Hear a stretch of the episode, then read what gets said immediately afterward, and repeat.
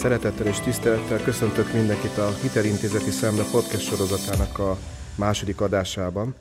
Általában akkor jelentkezünk, amikor folyóiratunknak egy-egy új száma megjelenik. Most is azzal az örömhírrel tudok szolgálni, hogy a Hitelintézeti Szemle 2021 per 4. egyben téli száma immáron online formában és nyomtatott formában egyaránt olvasható. Hát ebben a számban számos más érdekes publikáció mellett egy manapság mindenkit érzékeny érintő kérdésről megjelent egy fontos tanulmány. Szerzője Balog András, a Magyar Nemzeti Bank monetáris stratégiai főosztályának közgazdasági elemzője, mi okoz inflációt címmel megjelent elemzésében a jegybanki politikák és az infláció kapcsolatát járja körbe. Köszöntöm a szerzőt a stúdióban. Köszöntöm a hallgatókat. Illetve a másik szakértő vendégünket, Felcser Dánielt, a Magyar Nemzeti Bank stratégiai főosztályának vezetőjét. Köszöntöm én is a hallgatókat.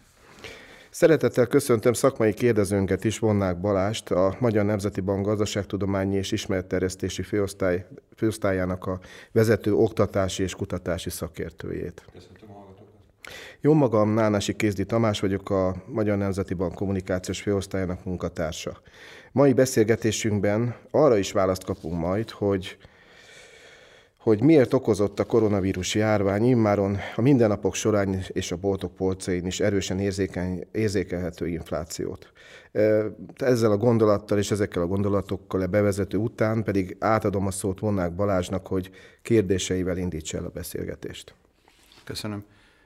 Van egy nagyon érdekes elemzés a tanulmányban, ahol, amely bemutatja az Egyesült Államok inflációjának az alakulását az elmúlt bő 150 évben, és a, a, az a következtetés kerül levonásra, hogy igazából nagyon nagy inflációk az USA-ban akkor alakultak, amikor valami válság volt, vagy háború, kivéve a 70-es éveket. Tehát az egy elég speciális időszak a 70-es évek infláció, se válság, se háború nem volt.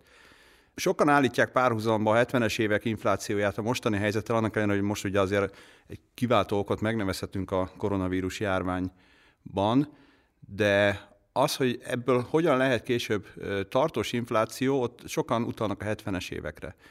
Szeretném azt megkérdezni, hogy, hogy ténylegesen mondhatunk-e már valamit, mi a, mi a közös a mostani időszakban és még a 70-es évek inflációjának a kialakulásában, vagy ez egy egészen más típusú történet? Köszönjük a, a remek kérdést.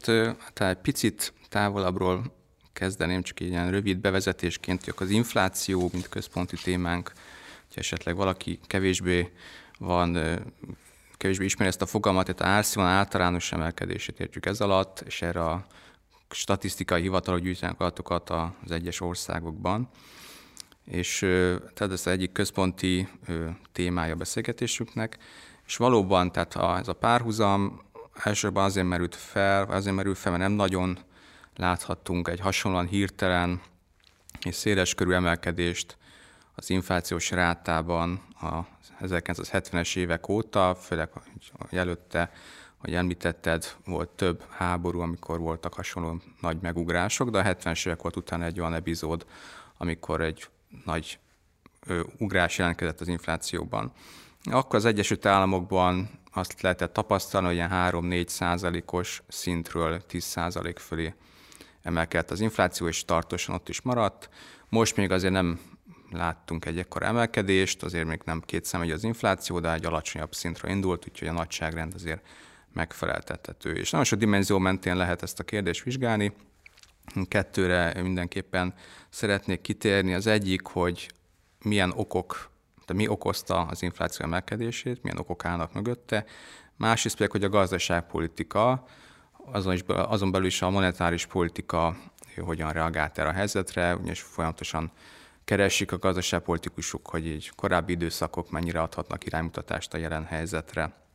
És a 70-es években eh, alapvetően tehát egy olajár emelkedést nevezhetünk meg kiváltó oknak, Először egy embargót léptettek életbe a nagy olajkitermelő országok, után pedig az irán, iráni-iraki háborúnak a, a, a háborús pusztítása vetette vissza az olaj kitermelését, és az olajárak a többszörösükre emelkedtek világszerte. Ezt árak emelkedtek, gazdasági aktivitás pedig visszaesett, munkanélküliség emelkedett, közgazdászok ezt kínálati soknak. És erre a jegybankok abban az időszakban a, alapvetően a gazdasági aktivitás oldalt kívánták támogatni, tehát egy, egy úgy, úgy mondhatjuk, hogy laza monetáris politikát folytattak, hogy a munkanőségi emelkedését megállítsák, és a gazdaságot talpra segítsék. És a párhuzam ott megvan, hogy most is látunk egy erős nyersanyagáremelkedést, energiaáremelkedést, tehát ezek a kínálati hatások most is jelen vannak, bár nem olyan mértékűek, mint a 70-es években. Viszont több különbséget is tudunk azonosítani, például már rögtön itt, hogy a jegybankok azóta már, tehát a számos fejlett és feltörő országban a jegybankok most már egy világos árstabilitási mandátummal rendelkeznek, és ezt követve most az inflációra helyezik az esetleges hangsúlyt. Tehát az akut időszakban, a járvány alatt volt egy jelentős lazítás, hogy a gazdaságot ebben az esetben is támogatni kellett, de hogy ahogy megjelent az infláció, a jegybankok figyelme is ráterelődött az inflációra. Tehát a kínálati sokok szerepe közös mindenképpen, hogyha a 70-es évekkel szeretnénk összehasonlítani, vagy vetjük össze a jelen időszakot, de akkori, akkora a egyszerre volt egy magas infláció és egy gazdasági visszaesés, stagnált a gazdaság, ezt a közgazdászok is szeretik összevonni a szavakat, ezt hívjuk stagflációnak, amivel most lehet így a napjainkban és a újságcikkekben találkozni ezzel a kifejezéssel. Most ezzel szemben gyorsan újraindultak a, a gazdaságok, részben köszönhető annak is, hogy a jegybankok is uh, hogyan reagáltak ebben a helyzetben. Részben ebből is eredt magas infláció, ugye gyorsan visszapattantak a a gazdaságok, amivel nem tudja a kínálat egyenlőre tartani a lépést, de még akkor magas volt a munkanélküliség, most alacsony, körülbelül a fele az Egyesült Államokban a 70-es évekhez képest. Úgyhogy tehát összefoglalva a kiváltó ok, és ugye az a körülmény, hogy nem egy háborúban, nem egy háború okozta magas inflációt, az mindenképpen egyezik a két időszakban de azért ugyanúgy látjuk azokat a különbségeket, hogy természetesen nem a 70-es években élünk, és ilyen szempontból felmerülhet, hogy hogyha mégis egy háborús időszakokat is belevesszük az elemzésbe, hogy akár a második világháború utáni éveket nézzük, azok az az időszak is felmerülhet, hogy egy jó párhuzamnak, ugyanis akkor is a két fő oka a magas inflációnak egyrészt a kínálatnak a, a visszaesése volt, Ugye a járvány alatt, a maga járvány miatt zártak be, és a fertőzés veszély miatt zártak be gyárak, és, és lett kisebb a kínálat, akkor pedig a háborús termelést kellett visszaállítani a békebeli termelésre, tehát a gyárak ne tankokat gyártsanak, hanem autókat, és ennek van egy átutási ideje, amíg ez, ez létre tud jönni. Másrészt pedig a keresletnél is azt látjuk, hogy most is azt látjuk, hogy az első időszak után megugrott a kereslet, ahogy hogy visz, helyreállt a gazdaság, és amit nem tudtak elkölteni a, a háztartások, az, azok, ő azt most elköltik, és ugye a háború után is ő, megtakarításra képződtek a háború alatt, amit utána a háztartások elköltöttek a néhány év alatt, és rengeteg tartós fogyasztási cikket vásároltak például. Úgyhogy, hogyha így is néz, tehát a háborús időszakokkal is van, nem magával a háborúval természetesen, de az utána következő, következő helyreállási időszakkal is jól össze lehet vetni a jelen időszakot. Alapvetően meg, megerősíteném az imént elhangzottakat, tehát hogyha különbségeket, párhuzamokat próbálunk felfedezni, az első teljesen érthető, hogy az ember arra gondol, látja a növekvő benzinárakat, megugró nyersanyag és olajárakat, és eszébe jut az embernek, hogy igen, 70-es évek nagy inflációs időszaka, ugye így hívják ezt az angol száz irodalomban, eszébe jut az embernek az első, a második olajválság, mind a 70-es évek, viszont tényleg nagyon fontos kitétel, hogy nem csupán a nyersanyagárak játszottak itt fontos szerepet, nagyon meghatározó az, hogy a gazdaságpolitika, illetve az uralkodó gazdaság elmélet hogyan állt az infláció kérdéséhez, és igazából pont a 70-es évek tapasztalatai hozták el azt, hogy, hogy szép lassan önvizsgálatra kényszerültek a gazdaságpolitikusok, és eljutottak odáig, hogy igenis szükség van arra, hogy az ástabilitásra külön figyeljünk. Nagyon fontos a munkahelyteremtés, a munkanélküliség leszorítása, ugyanakkor foglalkozni kell az inflációval, ennek nyomán erősödik meg majd később ugye a jegybanki függetlenség, ahol a jegybank tényleg csak és kizárólag az ástabilitásért felel. Tehát Alapvetően a nyersanyagárak, igen, ez párhuzam, A nagy különbség pedig, pedig az, hogy, hogy az inflációt ma nem hanyagolhatjuk el alapvetően szerves része a gazdaságpolitikai döntéseknek. Nagy szerepe van az ástabilitás élet való küzdelemnek a jelen, jelenkori gazdasági döntésekben. És még ezeket az időszakokat is össze tudjuk akár érdekességként kötni. Voltak olyan beszámolók, amik szerint Angliában felmerült a 70-es években, amikor sokszor sokra emelkedtek az olajárak, hogy előkeresik a második világháborúban megmaradt benzinárjegyeket, és felhasználják a, abban a, a 70-es években, úgyhogy így is visszaköszönnek a, korábbi válságidőszakok később is. Többször említettétek lényeges különbségként, hogy most már a jegybankok alapvetően az árstabilitásra fókuszálnak, ami, ami biztató ebben a helyzetben, de gyakran fölmerül az is, hogy, hogy lehet, hogy most már a monetáris politika nem is egy igazából hatásos eszköz. Tehát a jegybankok már, ha akarnak, sem igazán tudnak harcolni az infláció ellen. Például a tanulmányban bemutatott, hogy említett elmélet, az a modern monetáris elmélet képviselői szerint a jegybankok kép, képtelenek kontrollálni az inflációt. Ebben az esetben viszont baj van, mert akkor hiába szeretnék fölvenni a harcot, eleve bukásra vannak ítélve. Ti ezt hogy látjátok? Én, én ezzel szemben alapvetően azért egy optimista képet vázolnék fel, tehát jó, hogyha reménykedik az ember.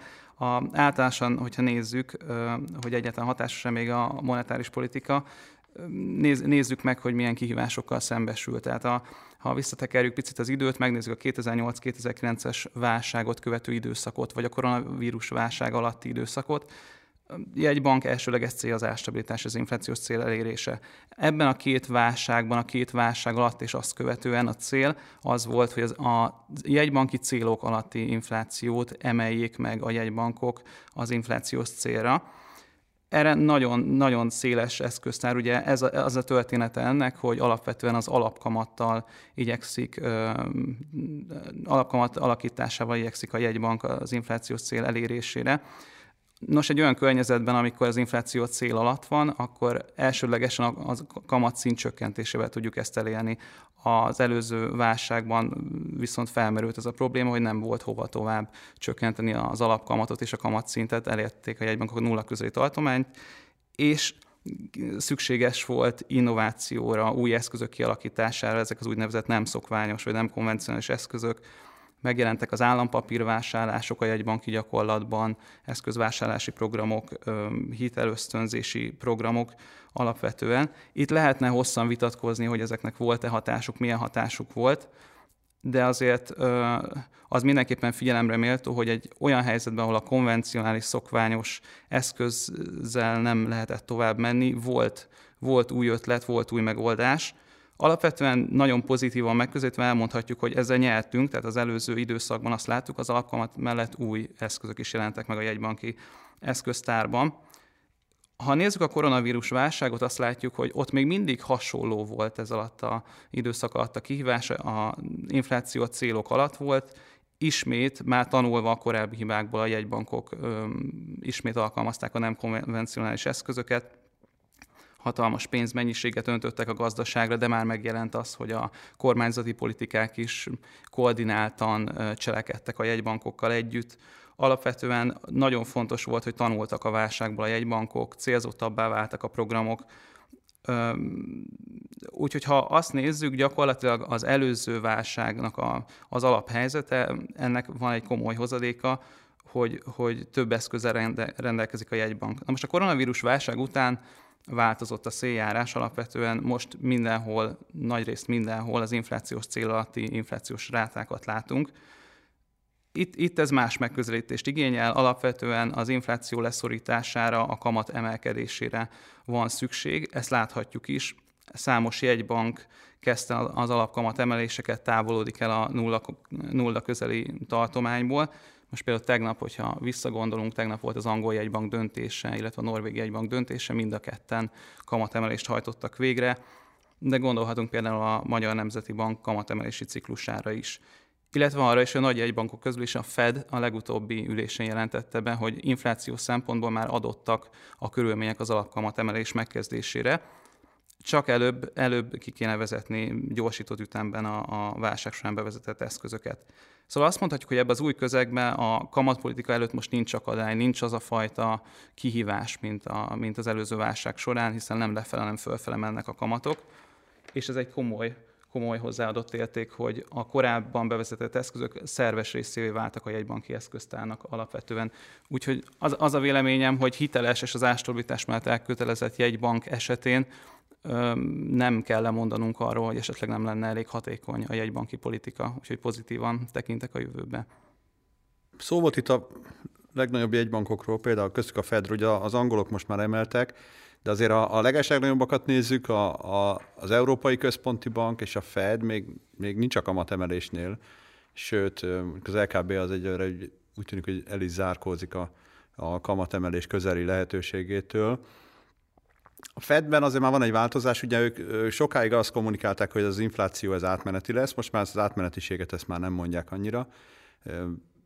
Viszont a, a Fednél figyelembe kell azt is venni, hogy hogy ugye az elmúlt tíz év, a koronavírus válság előtti tíz év az arról szólt, hogy, hogy ahogy említetted is, hogy, hogy túl alacsony volt az infláció, tehát a, a inflációs céljaikat alulról nem tudták elérni egy bankok.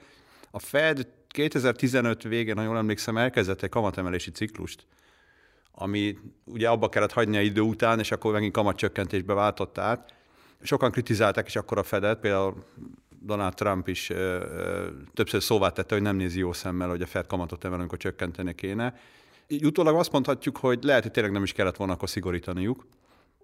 Nem lehet, hogy ö, emiatt a Fed az most késlekedni fog, ö, mert egyszer megégette a kezét egy, egy akár elhamarkodottnak is ítélhető kamatemelési ciklussal. Nem lehet, hogy emiatt most inkább a másik irányba vállalja be a kockázatot, hogy inkább túl későn fog kamatot emelni?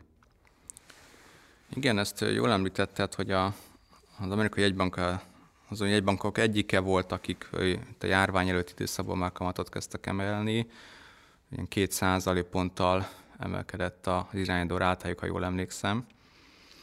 És akkor ez a, az intuíció mögött az volt, hogy, hogy látták a munkaerőpiacon, hogy emelkedik a foglalkoztatás, csökken a, a munkanélküliségi ráta, és hát ilyen korábbi közgazdasági összefüggéseket szigorúan véve, és nagyon azokra támaszkodva attól tartottak, vagy attól tarthattak, hogy ez magasabb inflációhoz fog vezetni, tehát ahogy kevesebb az elérhető munkavállaló a munkaerőpiacon, hogy a vállalatok egy, egy versenyre kényszerülnek magasabb béreket kínálva az elérhető munkavállalóknak, és később pedig, hogy ezt kigazdálkodják, árakat, árat kell majd emelniük. És hát ezzel szemben az, az látszott végül, tehát a kamatemelések mellett is, hogy a munkanélküliség tovább csökkent, és ahogy említetted, infláció nem nagyon lett ennek ellenére. És utólag hát nem csak az elnök, de így a, a jegybanknak a, a akkori tisztviselői is később kiálltak és kritikusan nyilatkoztak erre az időszakról, hogy, hogy lehet mégse kellett volna, hogy, hogy akkor a gazdaság fellendülése, a munkaerőpiac helyreállása még gyorsabb, még dinamikusabb lehetett volna.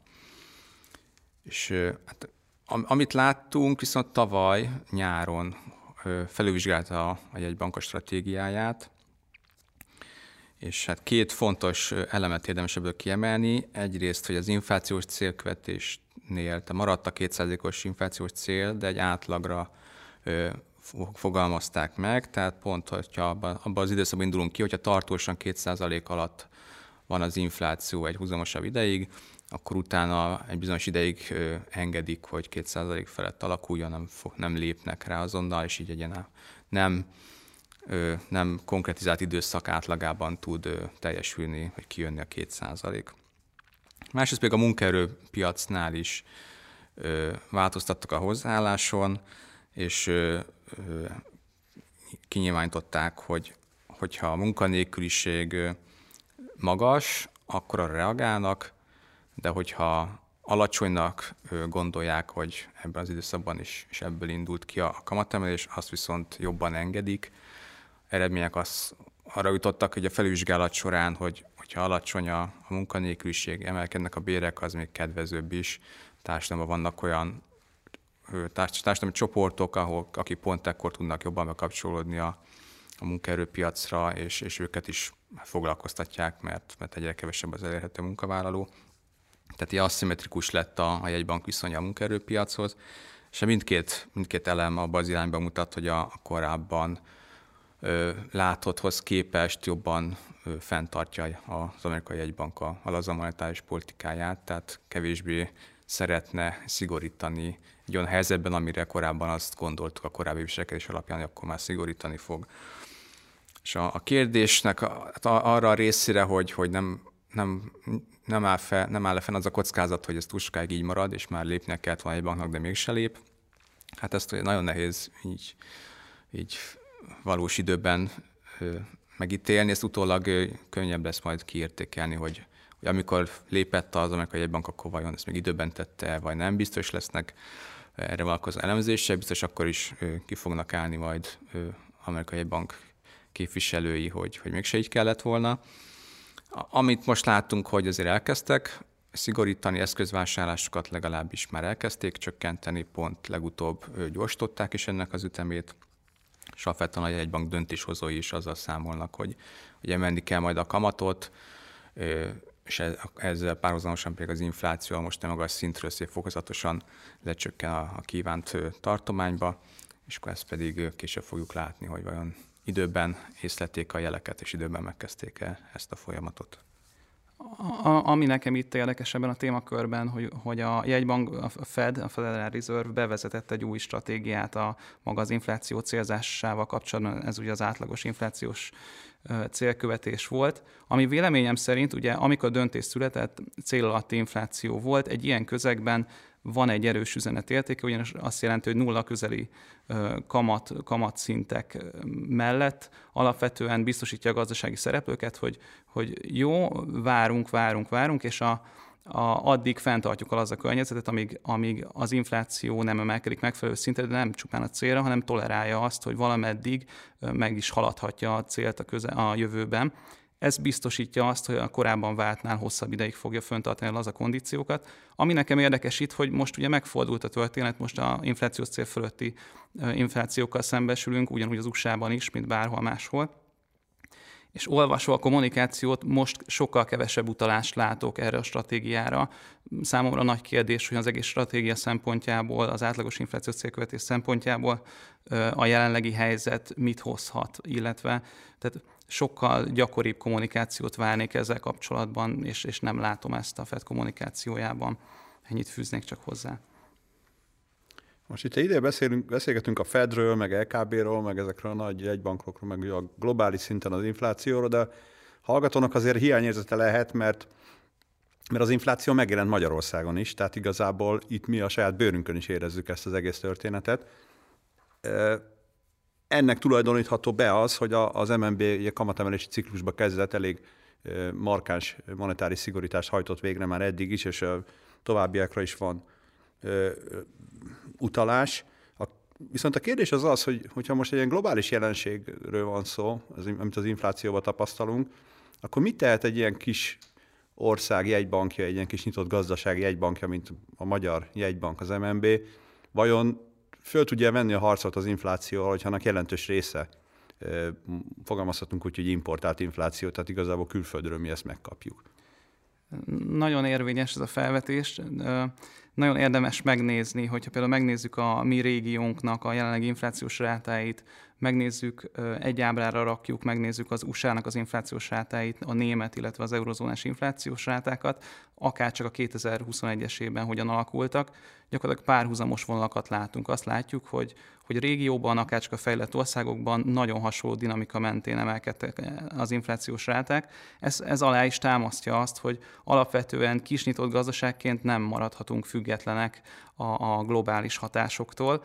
Ez kettő folyamatból áll össze alapvetően. Vannak a külső inflációs folyamatok, a jegybank alapvetően folyamatosan értékeli az inflációs hatásokat, vannak belső inflációs hatások, illetve vannak a külső inflációs hatások. Ez, ez a klasszikus jegybanki választ igényli, tehát kiszámítható, kellőképpen körültekintő, alapos helyzetértékelést követő döntéshozatalt vár el. Ugyanakkor van egy másik tényező is, ez pedig a nemzetközi monetáris politikai környezet, és az, hogy a fejlett gazdaságok nagy jegybankjai hogyan döntenek, ettől sem maradhatnak függetlenek a a kisebb jegybankok. Ezek viszont egy egészen másfajta kihívást jelentenek, alapvetően piaci hatások érhetik a gazdaságot. Ez egy másik műfaj, tehát a pénzügyi piaci hatásokra alapvetően nem a, nem a körültekintő és óvatos megközelítés érvényes. Itt ezekben az esetekben fontos a gyors és rugalmas reakció is. Tehát a jelen időszakban a kisnyitott gazdaságok jegybankjainak szerintem ez a két e, igen eltérő kihívásra kell reagálni. Kiszámíthatónak kell lenni, megfontoltnak kell lenni, de kellőképpen gyorsnak és rugalmasnak is, ami biztos, hogy hogy nem jó, hogyha a ráhagyás stratégiája nem jó, tehát tétlennek nem szabad maradni ebben a helyzetben sem. Igen, hát ezt a korábbi időszakban, tehát a járvány alatt is láthattuk, amikor nem mindenhol magas volt az infláció, mindenhol alacsony volt az infláció, és már vizsgálták ezt közgazdasági tanulmányokban, hogy az infláció egy, egy világszerte nagyon összehangoltá vált. És ennek keresték az okait, itt több ok is állhat e mögött, tehát maguk a gazdaságot érő hatások és globális jellegűek váltak sok esetben, tehát a nyersanyag árak, vagy olajár emelkedés az minden gazdaságot érint valamilyen mértékben. Pont az Európai Központi Bank becslése azt mutatja, hogy a mostani magas inflációnak kb. 80%-át ők külső sokkok hatásának tulajdonítják, és nem volt jellemző korábban ilyen magas arány, és hát az euróvezet az mégiscsak egy, egy nagy gazdasági tömb, nem egy olyan kis gazdaság, mint a régiónban az egyes gazdaságok. Tehát, hogyha még egy ekkora gazdaságot is ilyen mértékben befolyásolnak ezek a külső hatások, akkor ez, ez a kisebb gazdaságoknál ez még erősebb lehet. És a hatások mellett, tehát a sokkok mellett még a struktúrális hasonlóságok is ebben az irányba mutattak azért az elmúlt évtizedekben.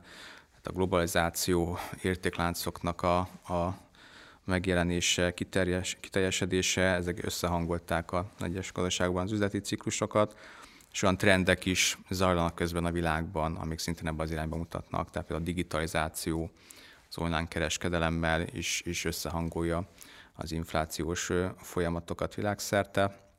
De ettől függetlenül persze jelentős súlyjal bír az, hogy az adott gazdaságnak milyen a szerkezete, és az adott gazdaságban a gazdaságpolitika milyen utat jár be. Úgyhogy továbbra is nem szabad úgy azt gondolni, hogy kiengedjük a kezünkből az inflációnak az alakítását.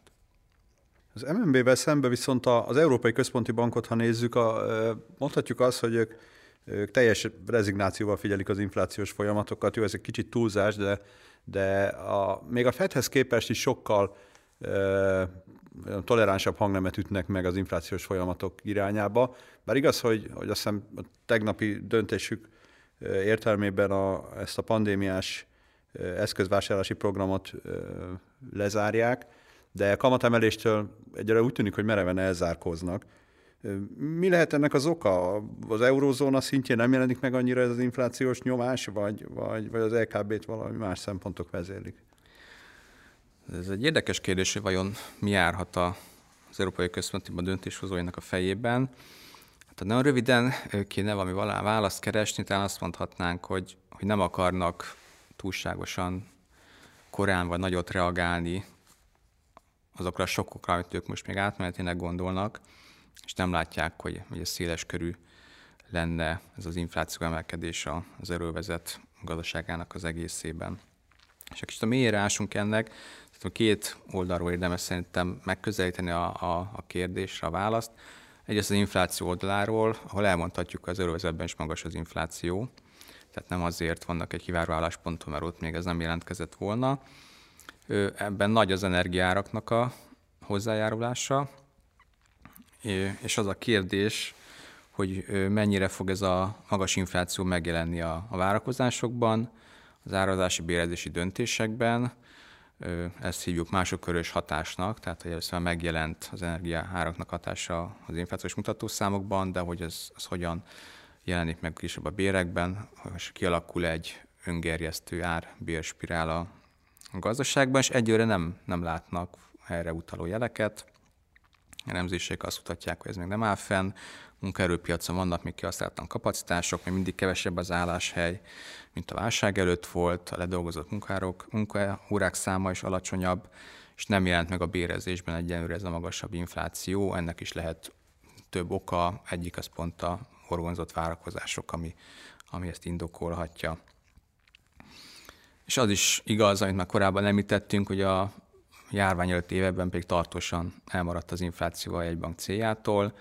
Ez is megjelenik érvelésekben, hogy, hogy ez miatt kevésbé aggódnak, hogyha most egy rövidebb ideig esetleg meghaladja a 2%-os inflációs célukat. Amit érdemes ez viszont hozzátenni, hogy nyár végén még az amerikai jegybank oldaláról is nagyon hasonló érveket hallottunk, hogy ott is már magas volt az infláció, de ez csak átmeneti, nem széles körű, a bérezés, a bérnövekedés nem kiugró, a várakozások horgonyzottak, aztán, ahogy itt már elhangzott, nem az infláció, hanem inkább ezek az érvek bizonyultak átmenetinek a tovább későbbi hónapok során. És a másik oldal a megközelítésben pedig a gazdasági növekedés, ahol szintén érdemes különbséget tenni az Euróvezet és az Egyesült Államok között. Szemben az Egyesült Államokkal Európában még a fogyasztás elmarad a válság előtti szinttől, és vannak lefelé, tehát alacsony növekedés irányába mutató kockázatok, az indikátorok ezt már jelzik, magasabb energiárak is visszafoghatják a fogyasztást, illetve a járvány is még az étlebeg a fejünk felett, és emiatt is lehet az, hogy a, a, az európai központi döntéshozói nem akarják a kilábalást veszélyeztetni egy esetleges túl korai monetáris szigorítással, és azt pedig folyamatosan vizsgálni kell, hogy középtávon milyen hatása lesz az emelkedő energia és nyersanyagáraknak, illetve a kínálati oldal nehézségeinek. Tehát az LKB továbbra is jellemzően átmenetinek gondolja az infláció emelkedését, friss, most pont most megjelent inflációs előrejelzésében felfelé tolta a teljes inflációs pályát, jövőre jelentősen megemelkedett az infláció, amire számítanak, ugyanakkor később már azt jelzik előre, hogy ez gyorsan vissza, visszaáll ez a 2% körüli szint, amit szeretnének, és emiatt látjuk azt, hogy még az amerikai egybankelnök azt mondja, hogy, hogy ott már minden feltétel adottak kamatemelésre, közeli kamatemelésre, addig Európában még azt mondja az LKB elnöke, hogy jövőre nagyon kicsi lesz az esélye. Igen, tehát hogyha csak a tényeket nézzük, most a számszerűsítve picit valóban megjelent az LKB-nek az új előrejelzése, ez alapján a, a szeptemberi előrejelzés úgy nézett ki, hogy 2022-re átlagosan 1,7%-os inflációt váltak, a jelenlegi új előrejelzés alapján viszont 3,2%-ot, ez jelentősen fölötte van értelemszerűen az LKB céljának, ugyanakkor a növekedés előrejelzését a jegybank lefelé módosította, és emellé kell tenni azt, hogy Christine Lagarde, a LKB elnöke azt mondta, hogy nagyon alacsony a valószínűsége annak, hogy 2022-ben kamatemelés fog történni. Mindez én csak annyit fűznék hozzá, hogy nem szabad eltekinteni attól, hogy beszélünk Fedről, mint az amerikai központi bankról, illetve az LKB-ról. Ugyanakkor a területek, amiket nézünk, a két igen, két gazdasági terület, illetve ország nagyon különböző. Tehát az Egyesült Államok, illetve veszük az eurozónát, ami egy valuta övezet, számos-számos igen, struktúrájában is igen sokszínű és különböző országokkal állunk szemben, akár csak megnézhetnénk a, a beoltottságnak az alakulását, illetve nagy különbségek vannak a, a koronavírus válságba való kilábalás tekintetében is. Én csak ennyit tennék hozzá, ebből a szempontból nehezebb a dolga egyértelműen az Európai Központi Banknak, mint a Fednek. Felmerült a, az inflációs várakozások horgonyzottsága, vagy ennek a kérdése, hogy kialakulhat-e árbérspirál, stb. Ugye alapvetően ez, ez lesz a döntő, hogy mennyire tartós inflációval kell majd szembenéznünk ki globális szinten. Most itt csak a, a bérezésre, meg a munkapiaci folyamatokról van szó, vagy, vagy egy szélesebb körben kell vizsgálódni a jegybankoknak, hogyha arra kíváncsiak, mi van az inflációs várakozásokkal. Csak mondok egy példát, hogy például az eurozónában is pár évvel ezelőtt ilyen felmérésekből az derült ki, hogy a lakosság a ténylegesen a statisztikai hivatal által mért inflációnál magasabb inflációt érzékel és vár is. Valószínűleg ebben jelentős része benne volt a, az ingatlanárak elszállása, és ugye a, a, az LKB számára ez dilemmaként felismerült, hogy, hogy hogyan kell a, a lakhatási költségeket jól számszerűsíteni az, az inflációs mutatókba. De hogyha a, a lakosság inflációs érzékelése és várakozása ennyire távol van a, a tényadatoktól, akkor mire tudnak támaszkodni egy bankok? Tehát hogy, hogy tudják jól mérni az inflációs várakozásokat? És egyáltalán kinek az inflációs várakozásait kell figyelni? A, a háztartásokét, a vállalatokét, vagy a pénzpiaci szereplőkét, elemzőkét? Hol fog ez eldőlni ez a kérdés?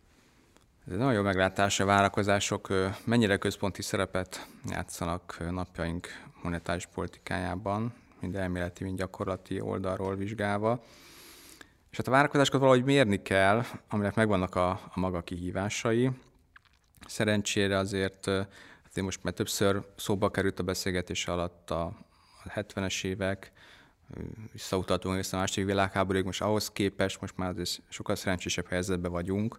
Egyre több eszközünk van arra, hogy a, a várakozásokat mérjük, vagy legalábbis megpróbáljuk mérni. Tehát két fő forrást tudunk erre használni, vannak felmérések, amiket említettél, illetve pénzügyi eszközökből is lehet arra következtetni, hogy a pénzügyi eszközök tartói, vásárlói milyen inflációra számítanak előre tekintve.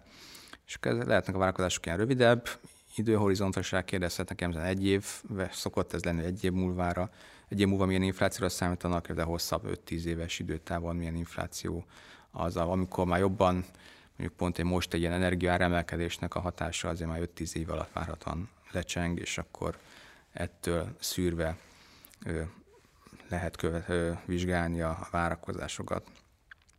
Több esetben most már olyan mutatók vannak, hogy az eroszlást is lehet ö, vizsgálni. Pont az Európai Központi Bank tavaly indított egy új fogyasztói felmérést az Euróvezet hat nagy gazdaságára, ahol már az egyes válaszokat időben is ö, tudják követni, hogy esetleg változtat-e a az adott fogyasztó a várakozásán így egy évvel később, vagy két évvel később.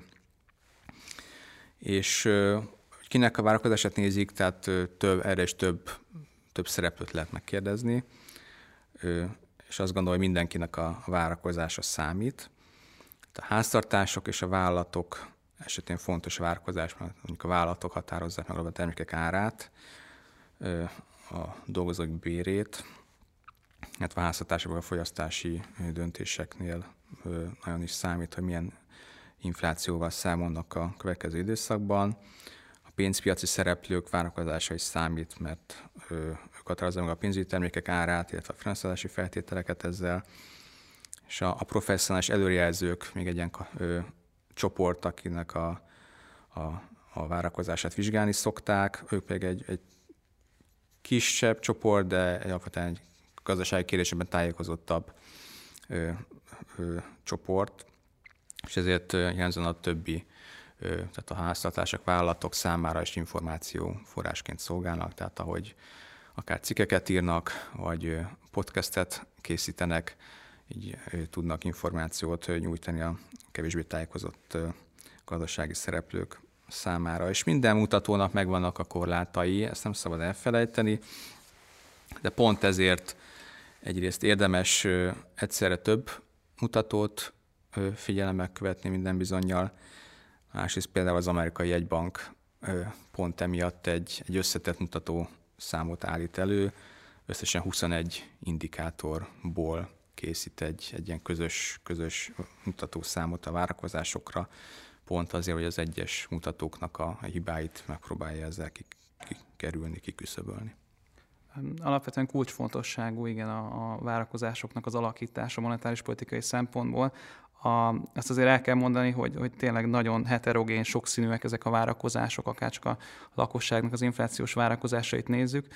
Szakirodalomban rámutattak például, hogy nagyon meghatározó az, hogy adott, adott személy az élete milyen inflációs, vagy éppen a magas inflációs, vagy alacsony inflációs korszakokkal szembesült, kimutatták azt, hogy bár általánosan igaz az a társadalomra, hogy az elmúlt évtizedekben egyre inkább horgonyzottabbak lettek a várakozások a jegybanki célok körül, viszont, viszont van egy érdekes eredmény, és ez kapcsolódik a cikk, cikkhez is alapvetően, azok az emberek, akik, akik megélték az 1970-es nagy infláció korszakát, alapvetően az ő várakozásaik a manapság is nehezebben horgonyzódnak a jegybanki célok körül.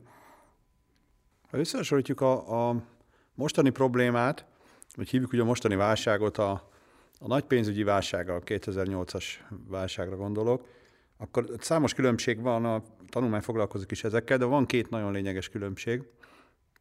Az egyik, hogy a, a fiskális politika, költségvetési politikák hogyan viszonyultak a, a válsághoz, és hogyan próbálták menedzselni azt. Ugyanis a pénzügyi válság után azért még uralkodott az a szemlélet, hogy, hogy a fiskális fegyelem az kulcsfontosságú, föl kell, nem szabad eladósodni az államoknak, stb. Ez különösen Európában jelenthetett esetleg szűk keresztmetszetet. Míg a mostani válság során azért, azért sokkal bőkezőebbek a, a kormányok, elég sok pénzt költenek arra, hogy a munkahelyeket megőrizzék, segítsenek megtartani a, a munkahelyeket, élénkítsék a, a keresletet. Holott a pénzügyi válságnál ott, ott a, a recessziók egyik jelentős oka az a kereslet visszaesése volt. Tehát sokkal kevesebbet költött mindenki, vállalatok is, háztartások is, és ez éveken keresztül jelentett problémát, hogy elégtelen volt a kereslet. Az állam akkor nem lépett be, hogy pótolja ezt a keresetet.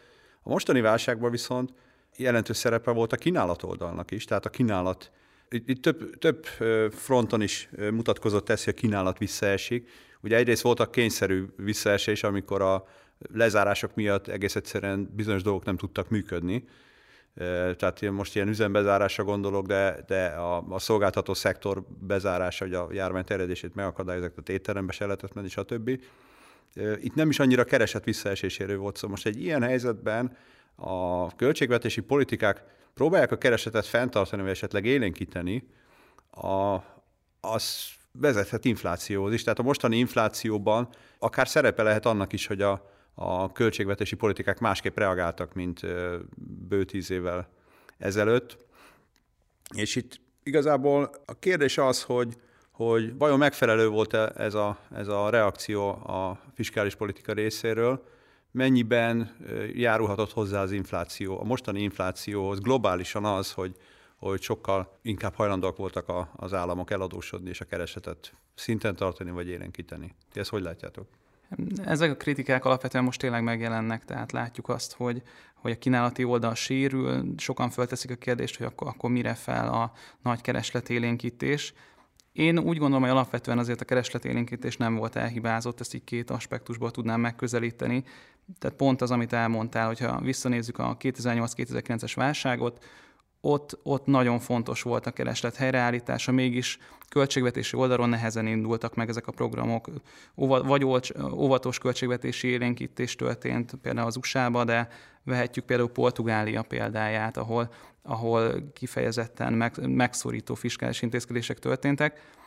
Egyszerű, csak keresünk egy adatot az interneten, megnézzük a, a munkanélküliségi ráták alakulását, nagyon beszédesek. Tehát azt látjuk, hogy hogy az előző évtized közepig hatalmas mértékben emelkedő munkanélküliségi rátákat látunk, és utána nagyon lassú lecsengés látunk, hosszú időn át elhúzódó lecsengést. Ezzel szemben, hogyha megnézzük most mi történt, a koronavírus válság során lehet, például az USA esetében igen magas megugrást látunk kezdetben a munkanélküliségi rátában, ugyanakkor nagyon hamar vissza is tért a válság előtti időszak, a koronavírus válság előtti időszak munkanélküliségi rátáira. Portugáliát emeltem ki, ott nagyon jól látszik az ottani ábrán, hogy, hogy még az előző évtizedben hatalmas munkanélküliségi ráta emelkedés volt, most volt egy emelkedést, viszont nagyon hamar vissza is tért a válság előtti szintre. Tehát alapvetően az én véleményem az, hogy ezen a téren tanultak a, a kormányzati politikák alapvetően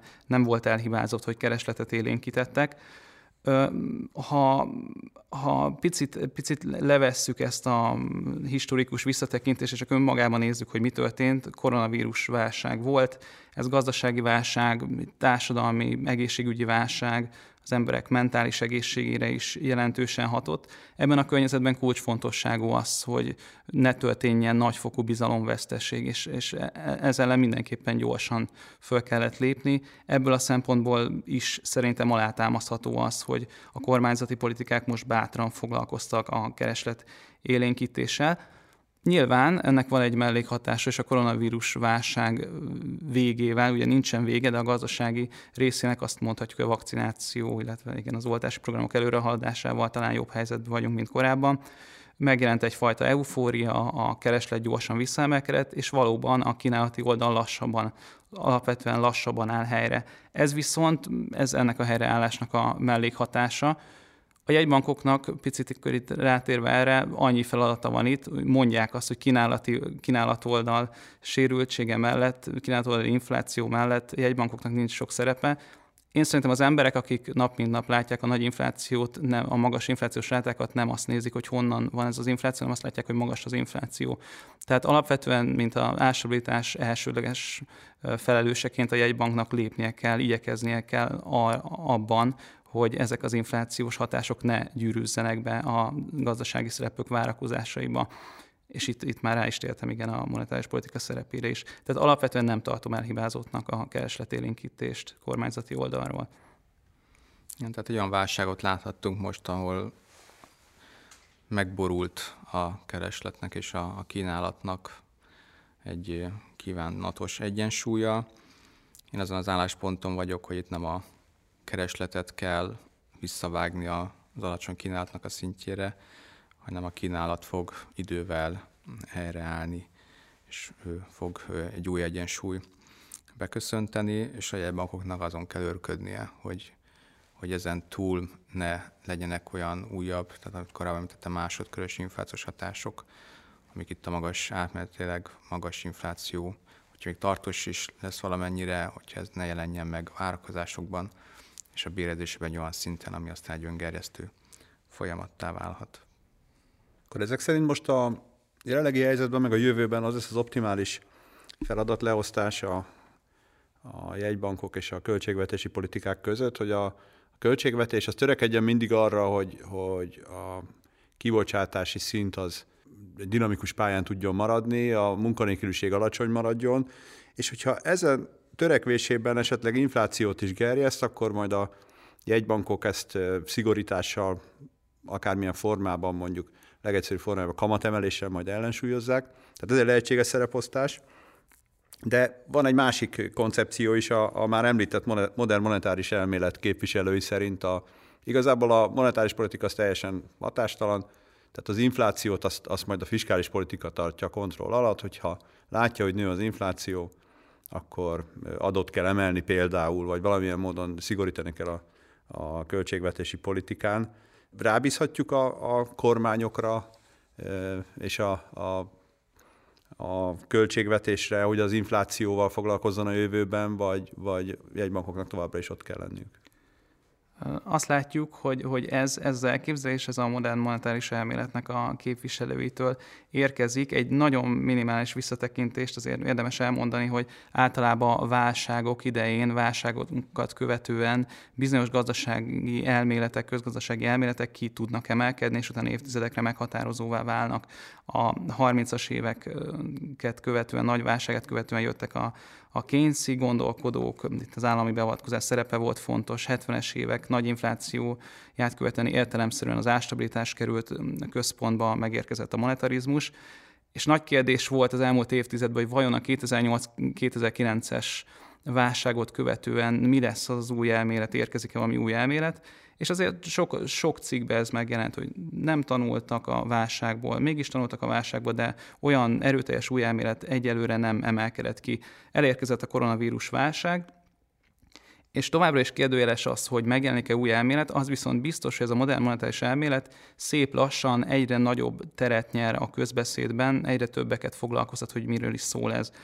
Most röviden ezt elmondva, a modern monetáris elmélet keretében alapvetően a gazdaságpolitika feladata az, hogy a gazdaság a teljes kapacitás kihasználtság felé haladjon. Ez egy nagyon jó cél, itt a főszerep tényleg a kormányzaté, a fiskális politikáé, alapvetően az a szerepe, hogy a kapacitások alul vagy túlhasználtságát folyamatosan egyensúlyozza, és mindent ez alá a cél alá vessen alá alapvetően. Ez egy üdvös cél, tehát itt, itt a kormányzatoknak olyan szerepük van, kapacitásbővítő beruházásokat jó, hogyha ha létrehoznak munkahelyteremtési programok, most nem térnék ki részletesebben, de nagyon figyelemre méltó irány ez a Job Guarantee program, ez egy nagyon érdekes munkahelyteremtési program ötlet, kifejezetten a teljes foglalkoztatottságot törekszik támogatni, nagyon fontos számára a keresletélénkítés, és ebben a keretben valóban emellett, tehát ez a, ez a fő cél, hogy, hogy a gazdaság eléri a teljes kapacitás kihasználtságot, Ebben a keretben a kormányzat felel az ástabilitásért is, adópolitikával, illetve, illetve különböző szabályozásokkal. Létezik jegybank ebben a keretben is, viszont a jegybank itt a kormányzati politika támogatójaként jelenik meg, stabil kamatokat biztosít, nincsen alapvetően kamatváltozás, kamatpolitika számottevő, illetve az a fő szerepe, hogy, hogy föntartsa a pénzügyi stabilitást. Ez egy teljesen új keret. Most véleményem szerint az a jó, hogyha mindenki azt csinálja, ami a dolga. Tehát én, én nem törnék pálcát a modern monetáris elmélet felett, szerintem, szerintem nagyon sok jó meglátása van elméletben, és nem véletlenül ennyire sűrűn tárgya a téma. Azonban nem látom azt, hogy egy bankokban annyira csalódnunk kellett volna, hogy megfosszuk őket az ástabilitás célzásától láthattuk most a koronavírus válság alatt, hogy, hogy eddig nem nagyon látott együttműködésben kormányzati programok valósultak meg, szintén munkahelyteremtés volt, miközben a jegybankok számottevően lazítottak, és ez is hozzájárult a gyors kilábaláshoz. Tehát az én véleményem alapvetően az lenne, hogy mindenki maradjon a kaptafánál, mindenki, mindenki tegye azt, ami a dolga. Szerintem most az elmúlt másfél-két évben bizonyította, hogy ez az együttműködés alapvetően működőképes. A podcast sorozat előző részében volt hosszasan szó az aranyról, a, a pénzről, és arról, hogy a mai pénzrendszerben mennyire központi szerepe van a bizalomnak, és a, az ástabilitásra, az infláció leszorítására vonatkozóan a bizalmat a jegybankokba helyezték, részben pont a korábban már 70-es évek kiugró inflációjának a tapasztalata alapján, és a jegybankok feladata, hogy, hogy megfeleljenek ennek a bizalomnak. Nos, hát úgy érzem, hogy egy remek nemzetközi körképet kaptunk a jelenleg érvényes inflációs folyamatokról, adnak a mozgatórugóiról, kilátásairól, és arról, hogy a különböző jegybankok milyen erőfeszítéseket, lépéseket tesznek az árstabilitás fenntartásáért. Zárójelbe teszem ehhez mindehhez hozzá, hogy a beszélgetés során többször említettünk tegnapi döntéseket. Itt azt gondolom azért rögzítsük, hogy a beszélgetésünket december 17-én vettük fel. Köszönöm Felcser Dánielnek, Balog Andrásnak és Vonnák Balázsnak, hogy itt, itt voltak. Köszönöm, hogy elfogadtátok a meghívásunkat, és köszönöm ezt a remek beszélgetést. A kedves hallgatóknak pedig szeretném a figyelmébe ajánlani a Hitelintézeti Szemle podcast sorozatának az előző részét, amely, mint már említettük, az aranypiac és az aranytartalék kérdéskörét járja körül. És szeretném ajánlani önöknek az MNB podcast sorozatát is, amelyet a jegybank honlapján érhetnek el azt kérem, hogy kísérjék figyelemmel folyóiratunkat, kísérjék figyelemmel a következő podcast felvételeinket is, és köszönöm, hogy velünk voltak, köszönöm a figyelmüket, várom Önöket legközelebb is a viszontlátásra. Az adásban elhangzottak a beszélgetésben résztvevők saját véleményét tükrözik, amely nem feltétlenül egyezik a Magyar Nemzeti Bank véleményével, így azok nem tekinthetőek egy banki álláspontnak.